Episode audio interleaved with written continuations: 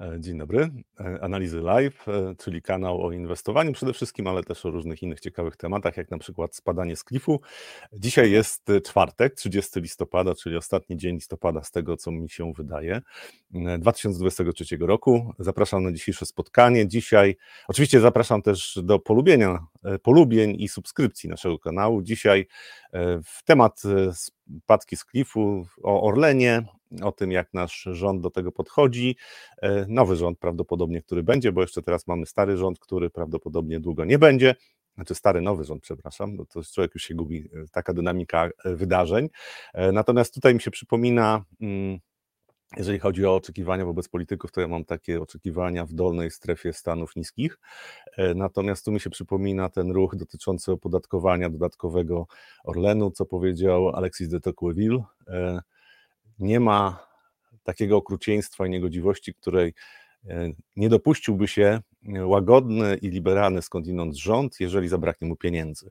I to jest coś, co też jest matem przewodnim na dzisiaj, bo będzie trochę o Wielkiej Brytanii, jak błędy polityków e, będą przekładały się na, przekładają się już na wyższe podatki, co się będzie działo z podatkami. E, też o inflacji, która kapituluje w coraz większej liczbie europejskich krajów przede wszystkim. W Stanach Zjednoczonych też wygląda na to, że na razie są spadki inflacji. Dzisiaj odczyt inflacji w Polsce. Ciekawe, czy spadnie, czy wzrośnie. Obstawiam, że trochę wzrośnie. E, o prognozach wzrostu gospodarczego i parę innych e, tematów dotyczących tego, co się może w najbliższym czasie dziać na rynkach, bo dzieje się dużo ciekawych rzeczy. Wczoraj bardzo ciekawa sesja na rynku amerykańskim, więc zapraszam od razu na przegląd wykresów.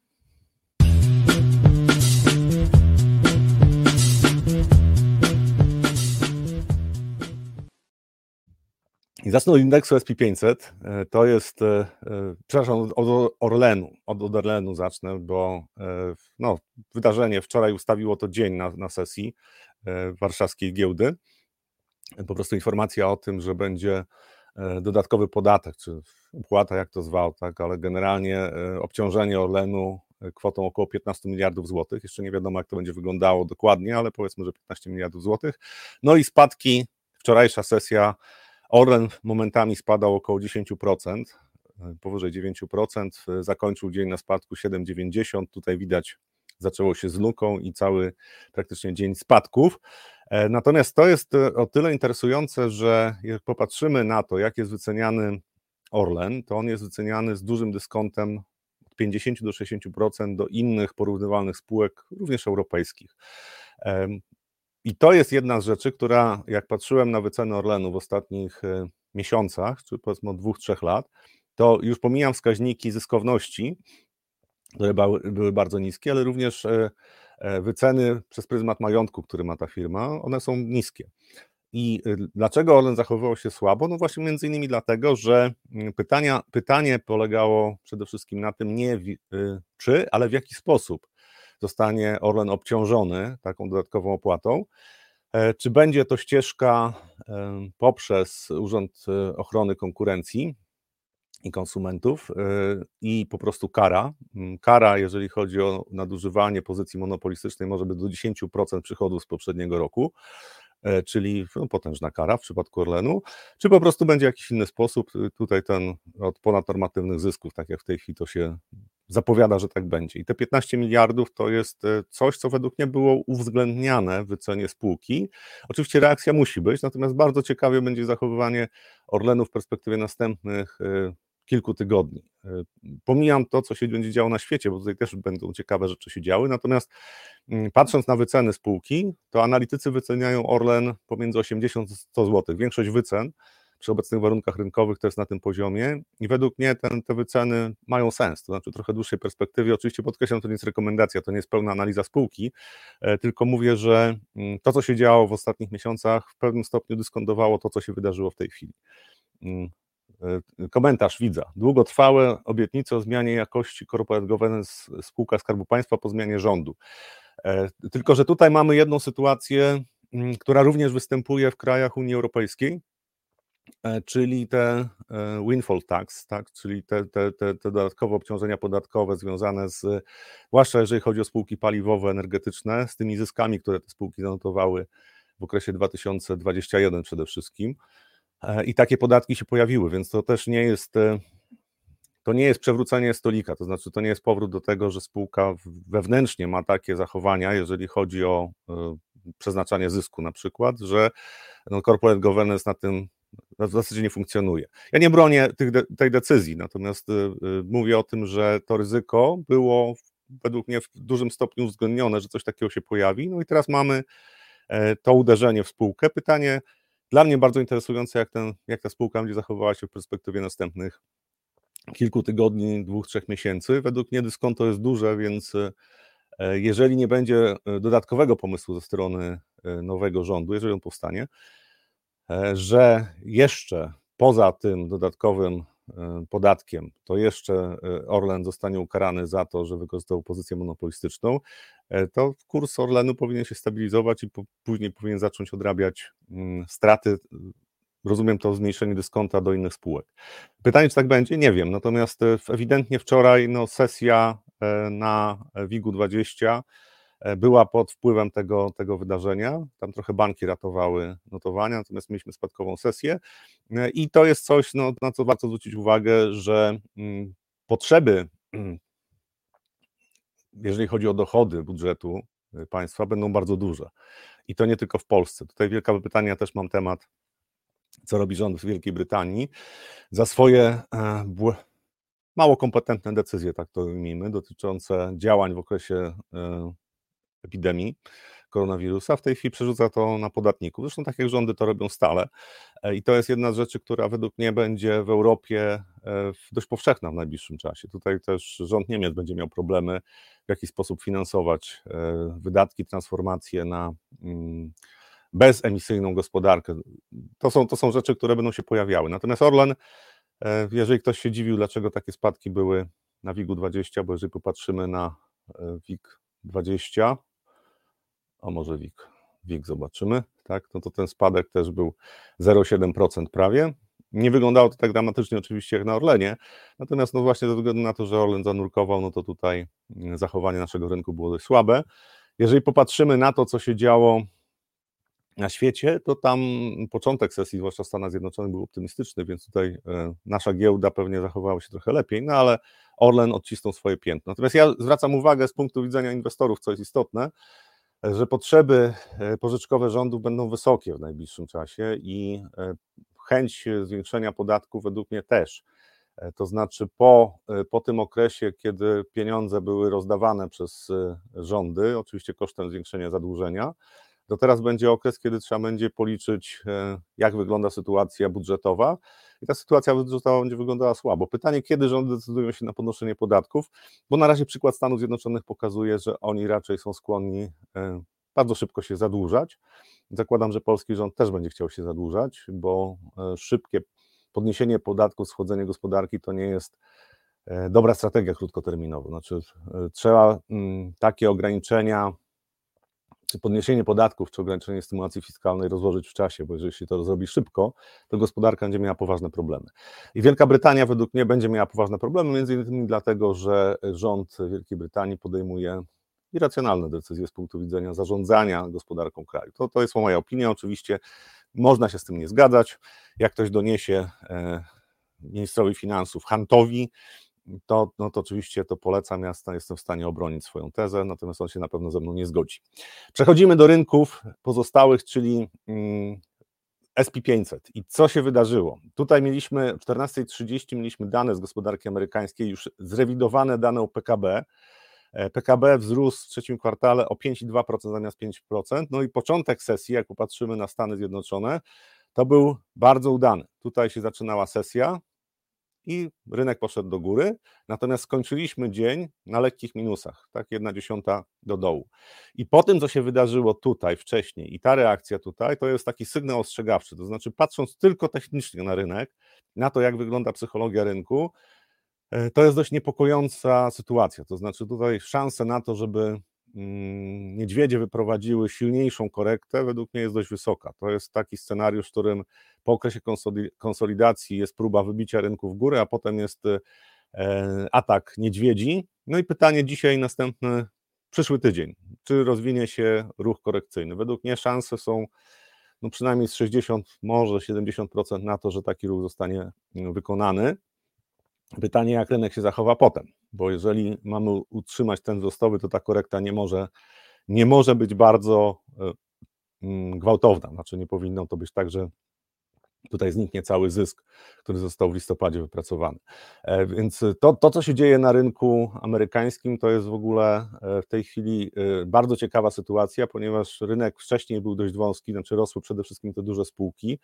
Mm, Big Magnificent Seven albo Big, Big Eight, bo to w zależności od tego, którą, czy 7 czy 8 spółek się weźmie, bo czasami Netflix wypada z tych największych spółek, ich nie bierze się Netflixa, Netflixa pod uwagę, natomiast tak czy inaczej to te spółki zrobiły większość wzrostu e, dla e, SP500 i e, w ostatnich tygodniach ten rynek zaczął być szerszy, to znaczy więcej spółek zaczęło brać udział we wzrostach, też Russell 2000 zaczął rosnąć mniej więcej w tym samym tempie, w którym rośnie SP500. I to jest coś, co e, wcześniej analitycy mówili, że to jest e, problem dla rynku, że ten rynek jest zbyt wąski. Teraz, jak jest rynek szerszy, to mówią, że to już jest za duża euforia. Nie wiem, no, znaczy wskazania rynku na, na krótkoterminowo według mnie są takie, że tutaj jakiś ruch korekcyjny powinien się pojawić, natomiast e, dopiero jak ten ruch się pojawi, to będzie wiadomo, jak jest silny i co dalej można czego można się spodziewać po rynku. O tutaj widzę, że e, e, Dariusz, nasz widz, tradycyjnie łapki w górę. Tak, proszę łapki w górę, e, polubienia, bardzo wskazane.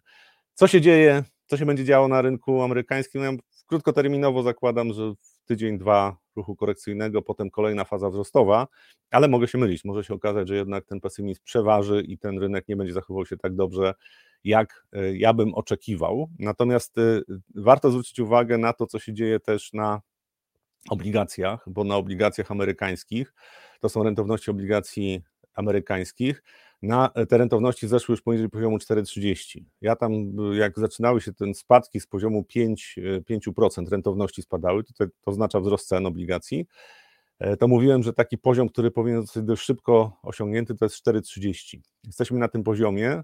Zakładam, że poziom 3,50 to jest taki poziom, poniżej którego naprawdę musiałoby się bardzo dużo ciekawych rzeczy wydarzyć w gospodarce amerykańskiej, żeby rentowności obligacji spadły poniżej tego poziomu. Może być 3%, ale wydaje mi się, że na tych poziomach byśmy wyhamowali. Natomiast to nie oznacza, że to jest pewne. Znaczy na rynkach w ogóle nie ma nic pewnego, natomiast to nie oznacza, że w najbliższym czasie tutaj powinny te e, rentowności spadać tak, jak spadały do tej pory, czyli praktycznie spadają, spadają, spadają.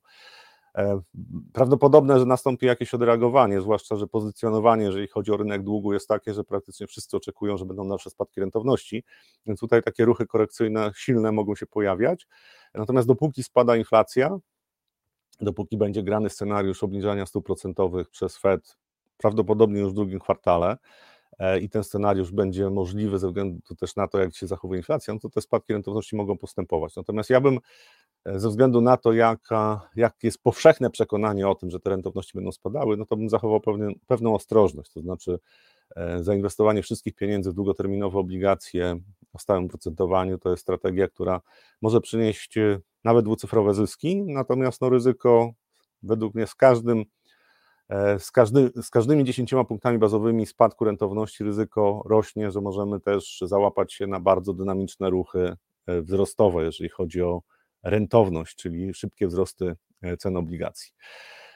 Również jeżeli popatrzymy na e, rynek e, walutowy, to tutaj jesteśmy też w takiej sytuacji, w której mm, za chwilę może się wydarzyć parę ciekawych rzeczy, bo jesteśmy po teście poziomu 1,10, jeżeli mówimy o euro-dolarze, to jest wykres euro-dolara dzienny. Dwa dni spadkowe, no i teraz pytanie, czy byki przejmą prowadzenie i będzie kontratak i znowu jesteśmy powyżej 1,10, czy rynek wyczerpał ten e, trend, e, ten impuls wzrostowy, tak, który został zapoczątkowany w październiku. Dzisiaj też są dane czyli e, ta ulubiona miara inflacji Fedu. I pytanie, jak, jak, czy ta miara będzie zgodna z oczekiwaniami, bo jeżeli byłaby na przykład wyższa niż oczekiwania, no to wtedy pewnie będzie umocnienie dolara, czyli euro, dolar spadnie. Wczoraj mieliśmy też dane, o tym za chwilę też powiem, z Hiszpanii, z Niemiec inflacja spadła bardziej niż e, oczekiwania. Natomiast reakcja rynku, ten wczorajszy dzień, początkowo rynek to przyjął dość optymistycznie, natomiast później nastąpiła realizacja zysków. To też jest taki symptomatyczne, że w momencie, jak się pojawią informacje, to bardzo, to bardzo często następuje realizacja zysków. Pytanie, czy rynek wyczerpał już całkowicie w krótkim terminie ten potencjał na, do dalszego wzrostu i tutaj będzie głębsza korekta. Ja zakładam, że euro nie będzie miało siły, żeby kontynuować wzrosty w nieskończoność, że ten trend raczej taki szeroki, boczny to jest bardziej prawdopodobny. Tu widzę mm, Małgorzata, dzień dobry, proszę euro złoty. Już w takim razie euro złoty, czy ja tutaj mam euro złoty? Mam dolar złoty, to zaraz piszemy. Proszę bardzo. Euro złoty. E, spadki poniżej poziomu 4,35, ale to jest w ogóle taka strefa 4,30, e, 4,35. E, według mnie to, o, tutaj, tutaj, tutaj to widać, o, tutaj, tutaj, o. 4,30 tu się zaczyna. Oczywiście rynek schodził do niższych poziomów, nawet tam 4,15, natomiast 4,30, 4,35, czyli jak weźmiemy 4,35, o, to według mnie są, są takie poziomy, które przynajmniej w w najbliższym czasie powinny powstrzymać dalsze umocnienie złotego. E, pytanie, co dalej, tak? Bo jeżeli będzie risk on na świecie, jeżeli nie będzie pogorszenia sentymentu i dolar nie będzie się umacniał, e, to szanse na to, że napływ kapitału do Polski będzie postępował. Ja patrząc na to, jak się zachowuje polski rynek, e, w ogóle, tak, nie tylko, nie tylko e, rynek walutowy, tak, ale też patrzę na obligacje, też patrzę na rynek akcji, e, to jak patrzę na te wahania, teraz wykres tygodniowy, e, no to tutaj siła polskiego złotego to jest odzwierciedlenie tego, jak Polska jest w tej chwili postrzegana. To jest też, zakładam, że zmienia się trochę postrzeganie Polski jako, jako miejsca do inwestycji. Przede wszystkim oczekiwania są takie, że bardziej będzie stabilna Polska, jeżeli chodzi o E, kwestie podatkowe, prawne, że tutaj nie będzie takich wstrząsów, jak były w ostatnich e, latach.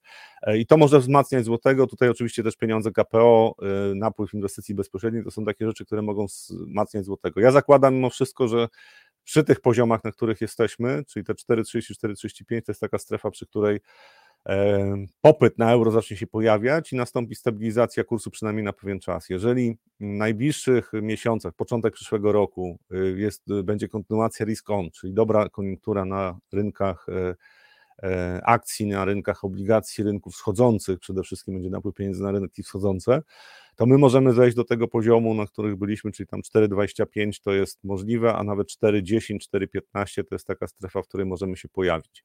E, to nie jest niemożliwe. Znaczy, patrząc wprost, e, mówiąc wprost na to, jak w tej chwili wygląda rynek, ten rynek jest silny, ale jesteśmy na takich poziomach, czy złoty jest silny, tak, przepraszam, nie rynek jest silny, tylko złoty jest silny, czyli to coś odbija się na e, Europelen.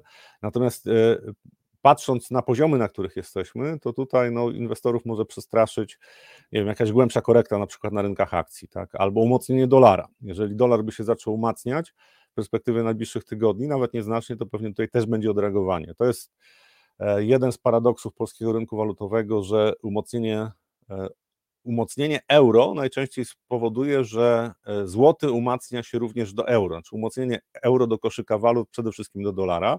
E, I złoty często ma takie określenie, że to jest turbo euro. E, czyli jak coś się dzieje pozytywnego w Unii Europejskiej i w strefie euro, euro ma się dobrze, to złoty najczęściej ma się jeszcze lepiej. Jak dolar się umacnia, to złoty obrywa również do euro.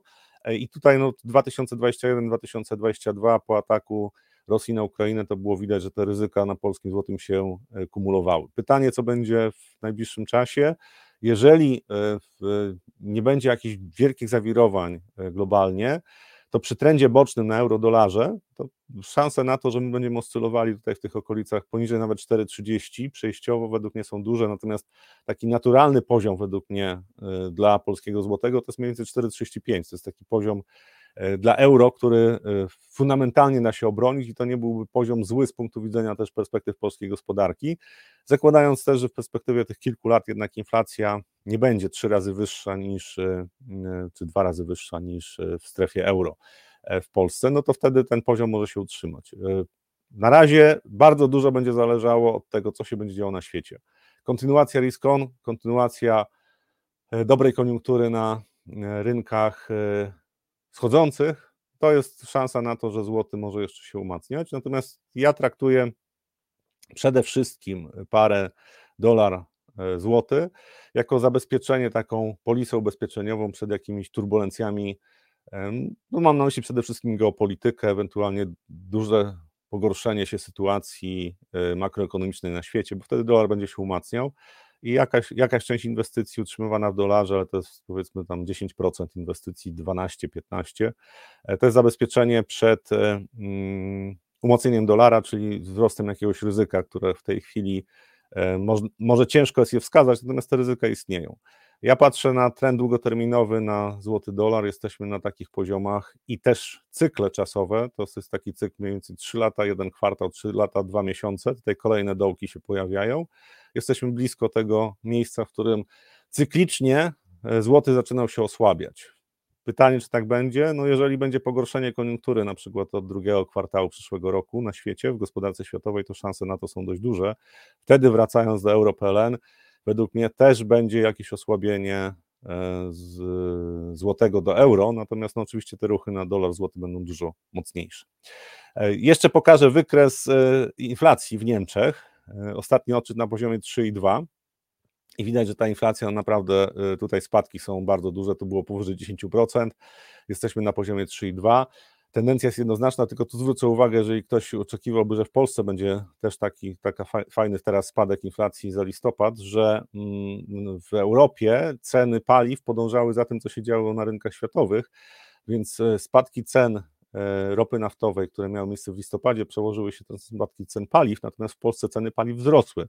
Mniej więcej o 10% w stosunku do tego, co było e, w w okolicach wyborów, tak? Więc tutaj warto też pamiętać o tym, że ceny paliw zaburzą trochę w Polsce ten y, odczyt dezinflacyjny. Według mnie będzie trochę wyższa inflacja niż e, za październik, tam było 6,6, oczekiwania rynkowe są, że jest 6,7 w listopadzie. Ja zakładam, że będzie 6,9-7%. Wiem, że wczoraj, e, przed, wczoraj, e, jeden z naszych widzów, przedwczoraj, przepraszam, jeden z naszych widzów napisał, że spodziewa się, że będzie 6%. No, jakby tak było, no to będzie bardzo dobrze. E, dla polskich obligacji również prawdopodobnie, no to znaczy, że ja bym się mylił, jeżeli chodzi o, e, o to, co się dzieje z polskim, e, z, z inflacją w Polsce, z polską gospodarką. To jeszcze pokażę tutaj właśnie, jak wygląda jak wyglądają, jak wyglądają rentowności polskich obligacji dziesięcioletnich. Jesteśmy na poziomie 5,40.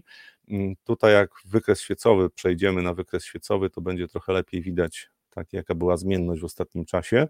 Jesteśmy na takich poziomach, na których byliśmy w listopadzie już parę razy. E, wydaje mi się, że no, szanse na dalsze spadki rentowności to jest przede wszystkim spadki rentowności na świecie. Natomiast druga rzecz no, to jest niskie odczyty inflacji. To znaczy, jeżeli inflacja zacznie e, rosnąć w najbliższych miesiącach w Polsce albo ustabilizuje się powyżej 7% na, na takich poziomach, e, to dalsze spadki rentowności są według mnie wtedy mało prawdopodobne. Nawet przy w miarę dobrej koniunkturze na innych rynkach. To tyle przeglądu y, technicznego. Dzisiaj będę obserwował rynek amerykański. W przyszłym tygodniu będę obserwował rynek amerykański ze względu na to, że e, według mnie SP500 no, stworzył warunki do tego, żeby rozpocząć jakiś ruch korekcyjny. E, jeżeli rynek by nie wszedł tą korektę, to znaczy, że jest tak silny rynek, że no, pewnie nowe szczyty wszechczasów znacznie szybciej niż ja się spodziewam, że mogą się pojawić. Ale jeszcze raz podkreślam, bardziej mi się wydaje prawdopodobny scenariusz jakiegoś cofnięcia, przynajmniej kilkuprocentowego na rynku amerykańskim. Rynki, jak są tak y, rozciągnięte, wygrzane, to najczęściej znajdą sobie jakiś pretekst, żeby taka korekta się pojawiła. E, o inflacji. O inflacji, a jeszcze może tutaj ten cytat e, Alexis de Tocqueville. To jest książka Dawny ustrój i rewolucja. Nie ma takiego okrucieństwa ani takiej niegodziwości, które nie popełnił mój skądinąd łagodny i liberalny rząd, kiedy zabraknie mu pieniędzy. To może tutaj sięgnę mm, o, od razu do Wielkiej Brytanii, czyli tutaj ten temat Wielkiej Brytanii, bo e, już Magda podrzuciła, inflacja w Hiszpanii skapitulowała, w Niemczech też, ale w związku z tym y, jeszcze wrócę do tych, do tych podatków, bo w, to jest bardzo ciekawa sytuacja z punktu widzenia tego, co się będzie działo w najbliższym czasie y, w Unii Europejskiej, bo rządy będą musiały jakoś sobie poradzić z tym, że zostały zaburzone strumienie przychodów.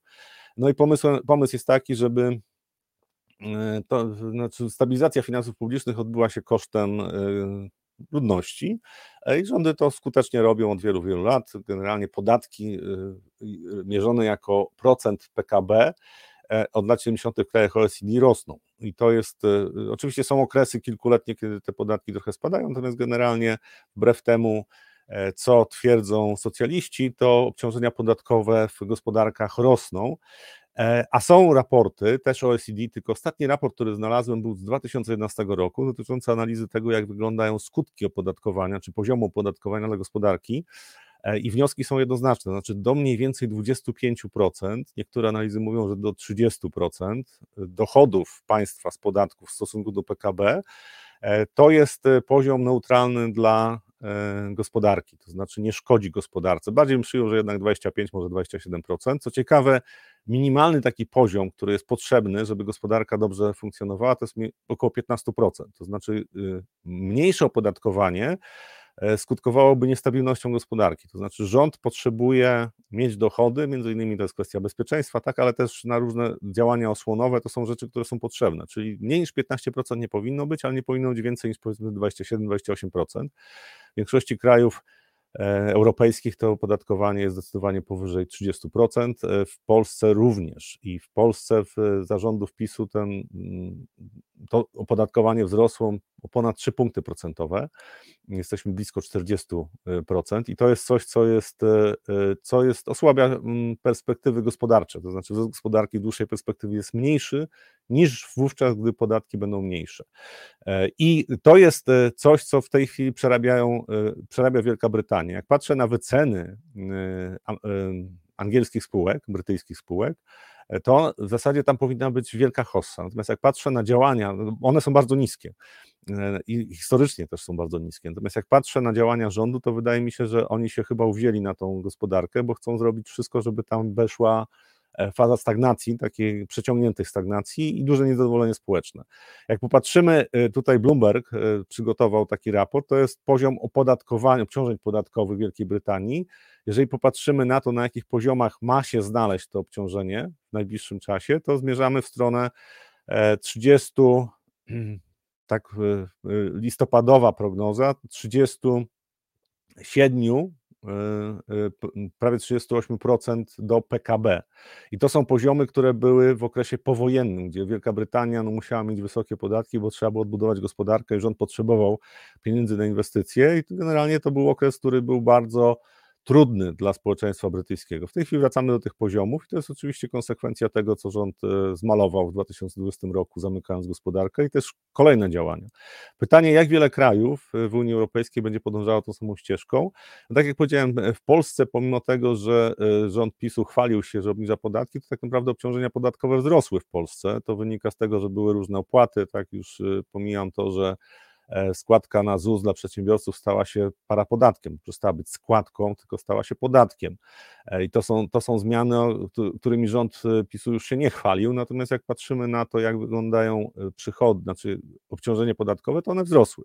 Problem polega na tym jeszcze w Polsce, przechodzę teraz płynnie do Polski, że jeżeli E, to, co działało w ostatnich latach e, przy wysokiej inflacji, rosnącej inflacji, e, to, co działało, przestanie działać, bo to zawsze jest tak, że kiedy zaczyna hamować inflacja, to wydatki, które były spłacane rozpędzającą się inflacją, wydatki rządowe, nie mogą być spłacane. I to jest coś, co nawet w oficjalnych dokumentach, które rząd Morawieckiego przedstawiał, e, pokazuje, że my w ciągu dwóch, trzech lat jesteśmy na progu zadłużenia konstytucyjnego, czyli 60% do PKB, całego długu, bo bardzo szybko zaczną rosnąć e, e, deficyt budżetowy, tak, znaczy koszty działania państwa będą dużo wyższe niż wzrost tych przychodów w najbliższym czasie, bo podatek inflacyjny przestaje działać. I to jest, y, nawet jeżeli ten inflacja utrzyma się na poziomie 7%, to jest zupełnie inna sytuacja niż jaką, tą, którą mieliśmy jeszcze w 2022 roku, kiedy inflacja się rozpędzała e, i e, przez to dochody budżetowe e, rosły. Jak będzie sobie nowy rząd z tym radził, nie wiem. Natomiast to, co się wydarzyło z Orlenem, według mnie to jest zapowiedź tego, że e, poszukiwania e, gotówki czy polowanie na podatki będzie kontynuowane i kto by nie rządził w Polsce, po prostu e, obciążenia podatkowe będą wysokie i będą prawdopodobnie rosły przy równoczesnym utrzymaniu stymulacji fiskalnej, czyli na konsumpcję będą szły pieniądze jeszcze przynajmniej przez 2-3 lata, e, a równocześnie będzie poszukiwanie, co można by tutaj opodatkować. Więc wszystkie te optymistyczne warianty, scenariusze na temat tego, że będzie dobrze i będzie tutaj stymulacja fiskalna, a w dodatku poobniżamy jeszcze podatki, no to można między bajki włożyć. Po prostu to się, budżet się nie zepnie. Znaczy to, to, to jestem o tym przekonany. Mam nadzieję tylko, że nowy rząd nie popsuje jeszcze bardziej gospodarki niż popsuł ją poprzedni rząd, bo teraz konsekwencje tego będą no, bolesne. No, to nie jest koniec świata, to nie jest tak, że gospodarka się załamie, e, natomiast będzie trudniej niż e, było w, e, w poprzednich latach, ze względu na to, że tam mieliśmy trochę wzrost gospodarczy na wyrost, to znaczy był E, z dodatkiem pieniędzy przeznaczanych przez rząd na, na konsumpcję. Oczywiście to było kosztem tak rozpędzającej się inflacji, to było kosztem pobierania dodatkowych podatków od różnych grup, e, e, od których można było pobrać. Teraz będzie trochę trudniej. Bardzo jestem ciekaw, jak będzie wyglądała gospodarka za rok, bo w przyszłym roku wydaje mi się, że po prostu my przejdziemy dość płynnie do mm, znaczy na, na tych warunkach, na których funkcjonowaliśmy w, w tym roku, czyli tutaj nie będzie jakichś gwałtownych zmian. Zmiany, jeżeli chodzi o podatki dotyczące chociażby właśnie y, to, co się pojawia w, w temacie Orlenu, czyli tych 15 miliardów dodatkowych, no to jest kwestia utrzymania e, zamrożonych cen energii. E, tam też w projekcie się pojawia e, oczywiście kwestia e, budowy wiatraków, ale też jedna kwestia, czyli handel, obowiązkowy handel przez giełdę energią elektryczną. To jest coś, co PiS zlikwidował praktycznie, bo no łatwiej jest wykorzystywać to, że mamy monopolistyczną pozycję firm energetycznych, które są kontrolowane przez Skarb Państwa, niż niż e, zdać się na warunki rynkowe. Tak? No I to jest jedna z rzeczy, która teraz będzie zmieniona, więc to jest pozytywne. Natomiast generalnie najbliższe lata to według mnie będą lata, w których będziemy spłacali pomału to, co zrobili politycy, czyli zwiększyli sobie e, poziom zadłużenia, znaczy nie sobie, nam zwiększyli poziom zadłużenia, natomiast w tej chwili w Wielkiej Brytanii i w większości krajów europejskich będzie podobne wyzwanie. Co z tym zrobić? W Niemczech jest bardzo wielka dyskusja na temat tego, jaki poziom zadłużenia można utrzymać, jaki deficyt budżetowy i co robić e, w sytuacji, kiedy sąd e, Trybunał Konstytucyjny nie zgadza się na to, żeby były wydatki pozabudżetowe. To jest już oddzielny temat, natomiast e, wracając do Wielkiej Brytanii, według mnie ta strategia, którą przyjął rząd Wielkiej Brytanii, to jest stagnacja gospodarcza, czyli niskie wyceny spółek brytyjskich wcale nie oznaczają, że tam za chwilę będzie wielka hossa. Wracamy do Hiszpanii, czyli inflacja od 3,2%, miało być 3,7%, spadek miesiąc do miesiąca o 0,6%. W Niemczech też spadek inflacji do 3,2%, też wyższy spadek, bo spadek o 0,4 zamiast o 0,1, większy spadek niż wcześniej. To pokazuje, że przede wszystkim właśnie te e, ceny paliw y, i też Mm, ceny w turystyce. Tak? To, to są dwie rzeczy, które obniżyły e, ceny w Hiszpanii i też trend jest jednoznaczny. Czy patrząc na to, co się dzieje w Europie, to ten trend spadku inflacji jest e, bardzo jednoznaczny. Jesteśmy według mnie na poziomach, czyli w okolicach tych 3%, gdzie zaczną się pojawiać podobne wyzwania, jak pojawiają się w Stanach Zjednoczonych na poziomie 4%. To warto pamiętać, że w Stanach Zjednoczonych trochę inaczej jest inflacja liczona, to znaczy ta CPI inflacja jest y, mało porównywalna z europejską.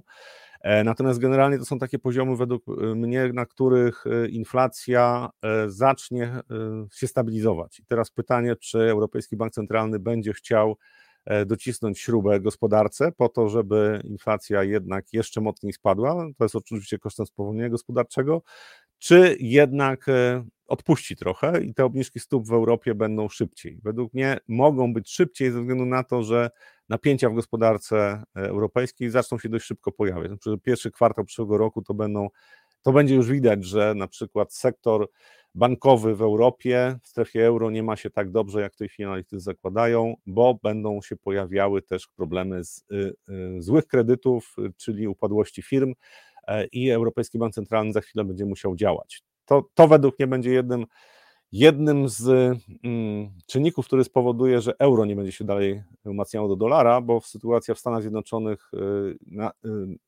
przyjmując, że tam też będą bankructwa firm, ale mimo wszystko będzie trochę lepsza niż y, w Unii Europejskiej. W strefie euro, w strefie euro Europejski Bank Centralny dość szybko będzie musiał porzucić jastrzębią retorykę.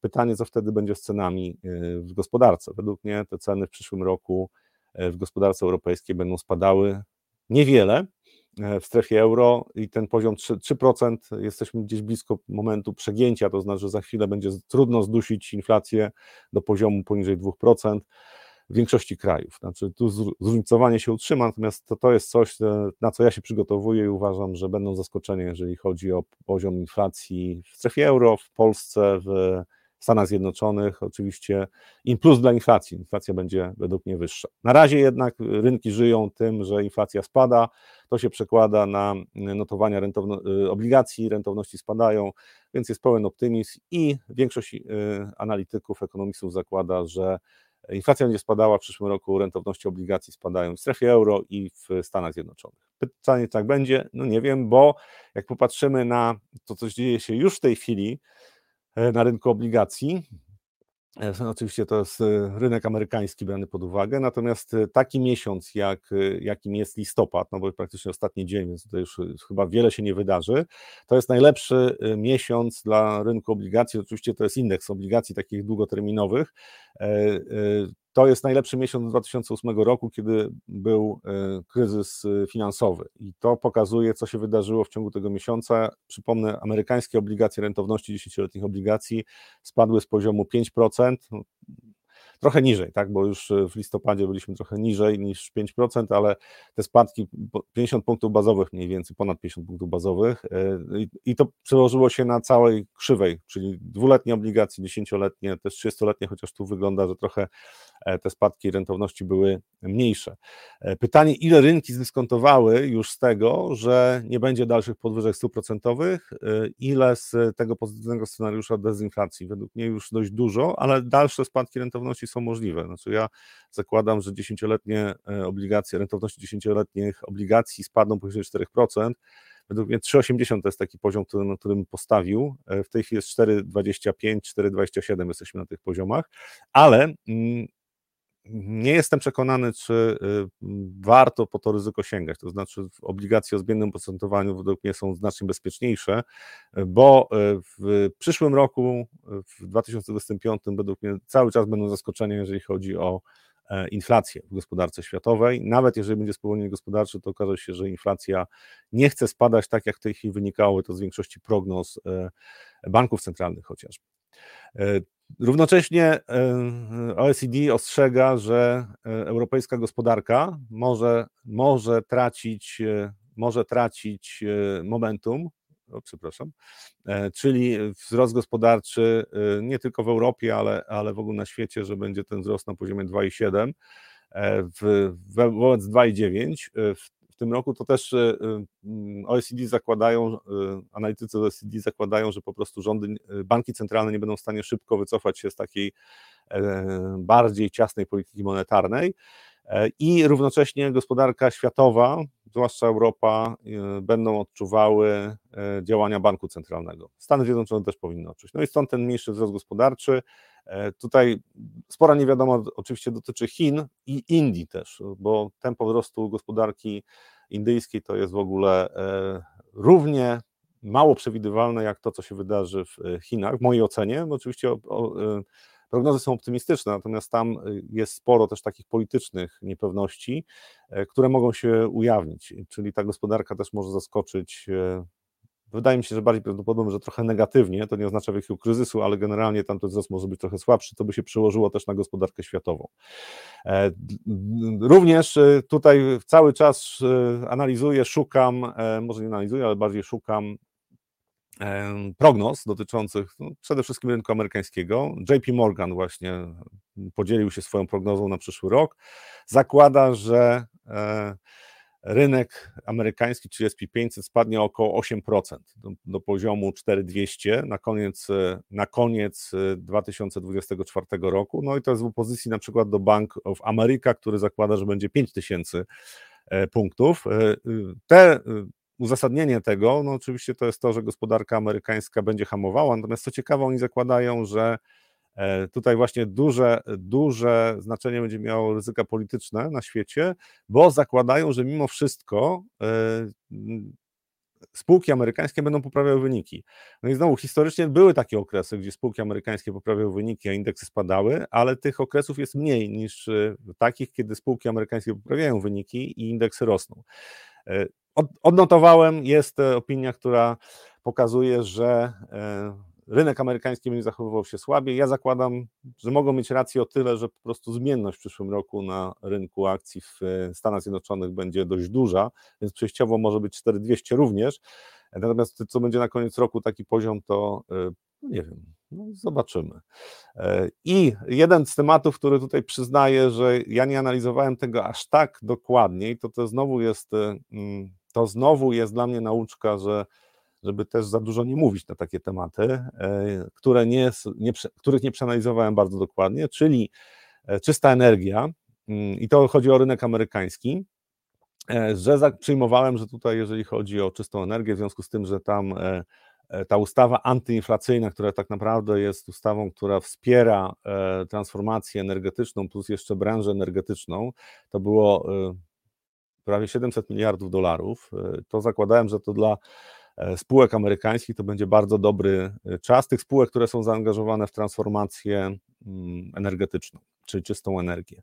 I okazuje się, że e, te spółki potraciły, to znaczy ostatni rok to jest bardzo słaby rok E, spółki paliwowe, czyli te, które wydobywają ropę naftową, zachowywały się dużo lepiej niż te spółki, e, które miały być driverami, czyli tą siłą napędową, jeżeli chodzi o indeksy. I tutaj 30 miliardów wyparowało, jeżeli chodzi o kapitalizację tych spółek, i nie wygląda, żeby sytuacja się miała poprawić. E, co ciekawe, jest coraz mniejsza sprzedaż, znaczy procentowo nie mniejsza sprzedaż, tylko dynamika wzrostu sprzedaży samochodów elektrycznych. E, odczuwają problemy również spółki, na przykład chińskie, które produkują panele, tak, okazuje się, że popyt na to też nie jest tak duży, jak, jak były oczekiwania, jakie były oczekiwania i y, przy tym, co się dzieje w gospodarce światowej, przy tym, że rządy będą miały problem, żeby finansować y, tą transformację, a równocześnie jest opór społeczny, żeby y, społeczeństwa zgodziły się na to, żeby przerzucać na nich koszty takich działań. Tutaj wybory w, w Niderlandach, przepraszam, ostatnie pokazały, że ludzie mają dosyć E, transformacji energetycznej, która sprowadza się do tego, że y, standard życia im gwałtownie rośnie. Więc tutaj problemy, jeżeli chodzi o te spółki, będą bardzo duże.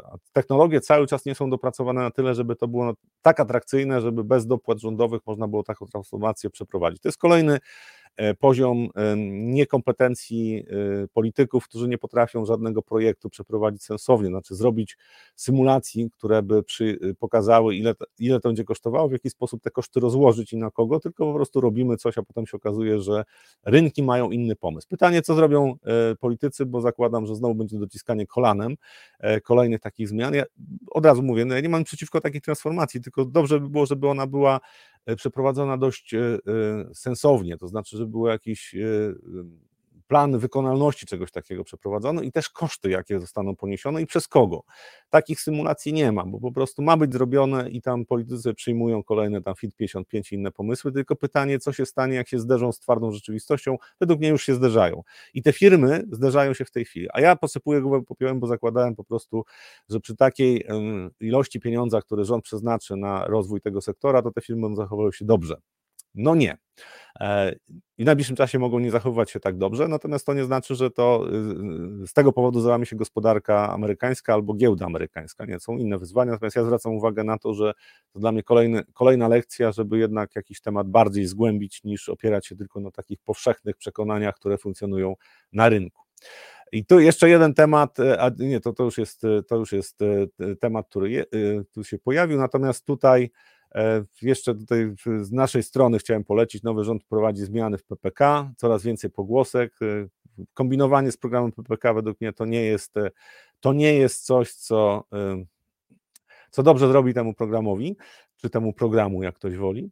Natomiast jest też artykuł Orlan krwawi na giełdzie przez polityków. Tutaj to, o czym wspomniałem, też zapraszam do, do, na naszą stronę do przeczytania tego artykułu.